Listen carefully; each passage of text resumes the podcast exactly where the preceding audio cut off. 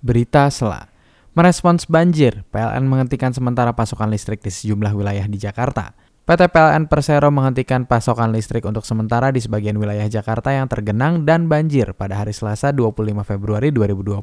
Sebanyak 326 gardu listrik tidak dioperasikan demi keselamatan masyarakat. Untuk Pondok Kopi, beberapa wilayah berikut terdampak penghentian listrik sementara PLN, yaitu Komplek Bintara Jaya 2, Perum Bintara Jaya, Simpang Tol Bintara Sektor 8, Jalan Bintara 8 SLTP 14 Bekasi, Perum Pondok Cipta. Kemudian di wilayah Cempaka Putih, sejumlah wilayah berikut terdampak penghentian listrik sementara PLN.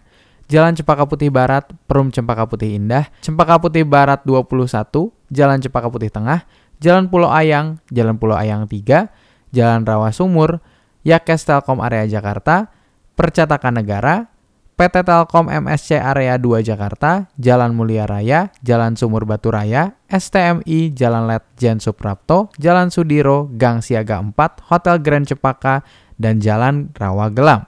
Di Pondok Gede beberapa wilayah berikut terdampak penghentian listrik sementara oleh PLN.